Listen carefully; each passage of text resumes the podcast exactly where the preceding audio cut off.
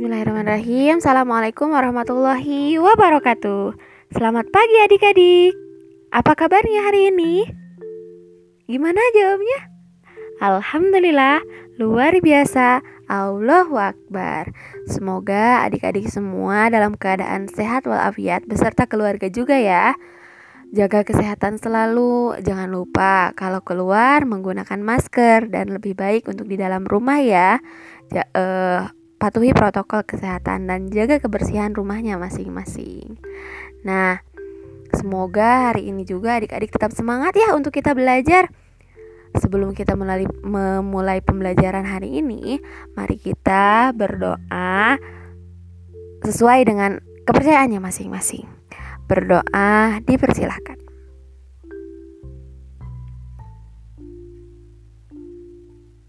Berdoa dicukupkan, Semoga dengan kita berdoa apa yang kita pelajari hari ini bisa kita amalkan, bisa kita apa ya, bisa kita gunakan dalam kehidupan sehari-hari ya. Uh, nah, sebelumnya kakak mau nanya nih ke adik-adik, apakah masih ingat uh, pembelajaran kita di hari di minggu kemarin? Kita hari ini akan belajar apa sih teman-teman? Ya, belajar bahasa Indonesia. Nah, belajar bahasa Indonesia di minggu kemarin kita belajar mengenai apa? Ya, betul, tentang pantun ya. Masih ingat pantun itu terdiri dari beberapa baris setiap baitnya? Ada empat. Bersajak ABAB ya, pinter. Eh, uh, sekarang kita lanjut masih seputar karya sastra yaitu yang sekarang ada apa ya?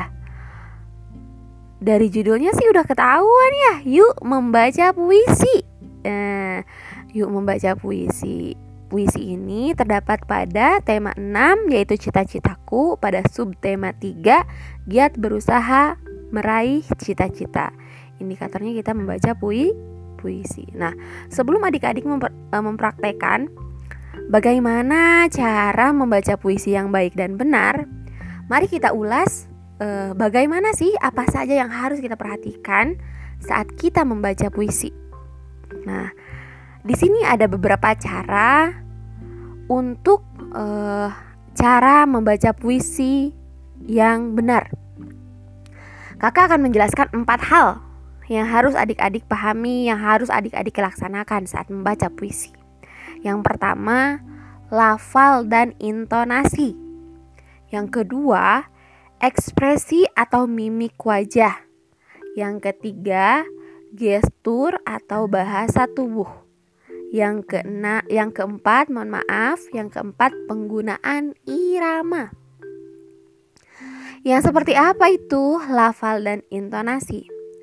Lafal dan intonasi ini yang harus kita lakukan, yang harus kita perhatikan yang pertama kali saat kita membaca puisi. Pelafalan kita, apa itu pelafalan? Yaitu pengucapan. Itu ya, pengucapan harus dengan jelas. Intonasi harus yang baik. Jangan terlalu tinggi, jangan juga terlalu rendah, tapi sesuai dengan ukuran ukurannya, gitu ya. Yang kedua, ekspresi wajah atau mimik wajah. Jangan sampai ketika kalian sedang membaca puisi yang senang, tapi raut wajah kalian sedih. Saat kalian membaca puisi yang sedih, kalian malah membacanya dengan gembira. Jadi, ekspresi wajah itu harus sesuai ya, teman-teman. Nah, misal kalau senang tertawa dengan lebar, eh maaf, senyum dengan lebar. Kalau sedih, renungi, resapi, seperti mata kita yang berkaca-kaca. Kalau marah, ya harus ekspresi marah. Kalau malu, harus ekspresi malu. Ungkapkan ekspresi kalian saat membaca puisi, oke teman-teman? Nah, yang selanjutnya ada apa nih? Yang ketiga tadi. Apa yang ketiga? Ya, gestur atau bahasa tubuh. Jangan sampai ketika kalian sedang membaca puisi, gestur tubuh kalian itu tidak terlihat gitu. Maksudnya hanya terdiam, berdiam diri tanpa ada gestur tubuh, misalnya nggak ada gerak tangan kanan kiri, monoton gitu. Hanya diam saja sambil membaca. Itu bukan membaca puisi ya teman-teman tapi membaca teks gitu. Jadi gestur tubuh kita harus bermain nih. Misalnya cara kita menunjukkan tunjukkan tangan kita. Cara kita ketika sedang marah hentakan kaki kita. Itu boleh. Ya saat kita misal ada ada, ada ekspresi kita saat malu menutup muka menutup wajah misalnya kayak gitu jadi terlihat gestur tubuh kita. Jangan sampai hanya berdiam diri ya teman-teman tubuh kita. Jadi ada kaitannya antara yang tadi ekspresi wajah dengan gestur tubuh. Biasanya kalau kita sudah memainkan uh, mimik wajah, ekspresi wajah, gestur tubuh kita juga akan mengikuti. Nah, yang keempat, penggunaan irama harus dibedakan dengan membaca biasa dan membaca dengan irama. Kan kalau misalnya kita membaca biasa ya uh, bacaan gitu misalnya bacaan aku sedang belajar gitu. harus beda dengan ketika kita membaca puisi. Kan kalau kalau misalnya kita lagi membaca biasa misalnya aku sedang belajar biasa kan kita aku sedang belajar. Beda dengan kita membaca puisi misalnya gunung yang menjulang tinggi jadi ada irama yang keluar dari suara kita gitu. Berirama gitu ya teman-teman ya.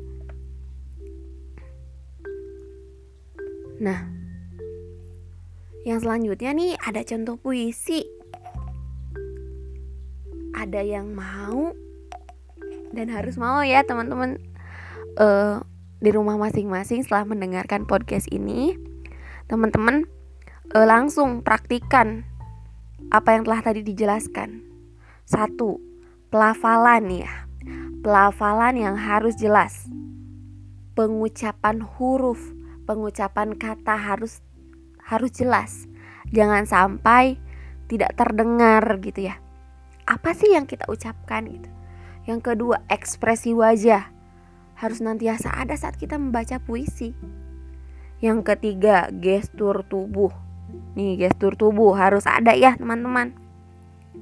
Saat kita membaca puisi sehingga uh, yang keempat pun harus kita lakukan gitu ya. Saat kita membaca puisi itu tidak boleh sama dengan kita saat ngobrol biasa.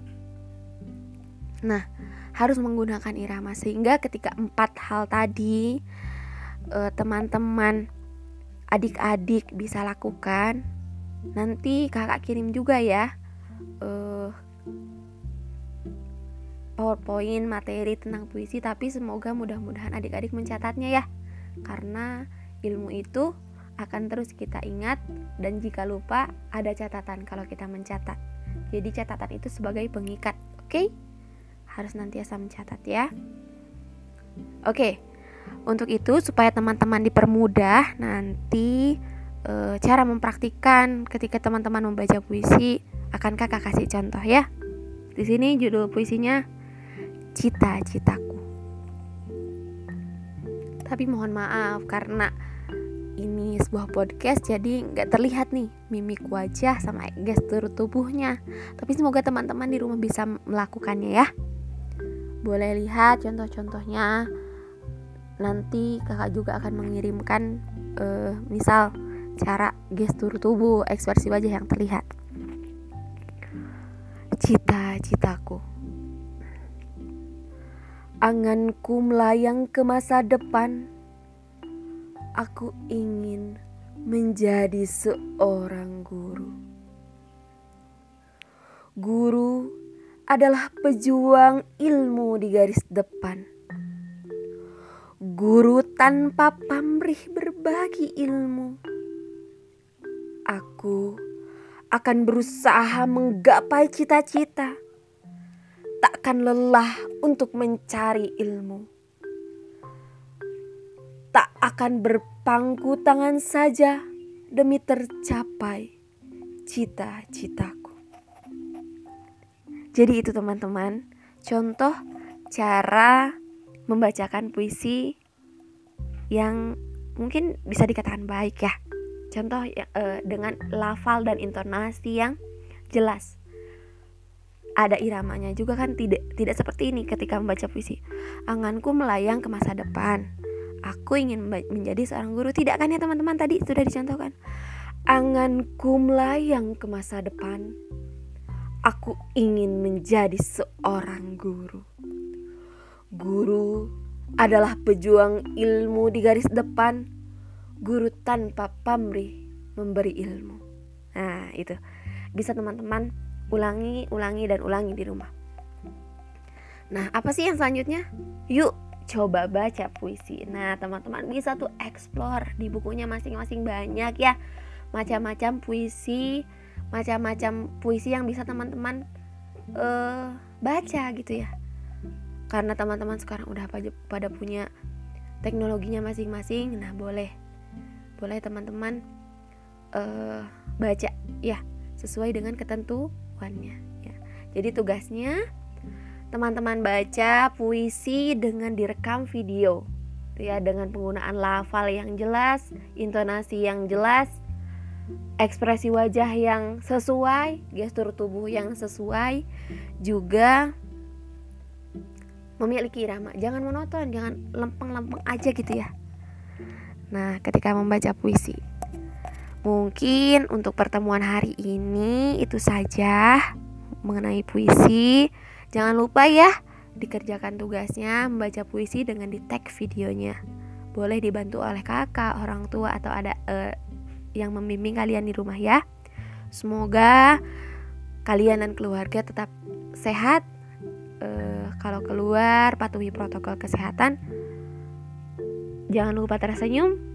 Uh, semoga kita bisa bertemu di kesempatan lainnya ya. Uh, mohon maaf atas segala kesalahan dan kekurangan atas pembelajaran hari ini tentang puisi ya teman-teman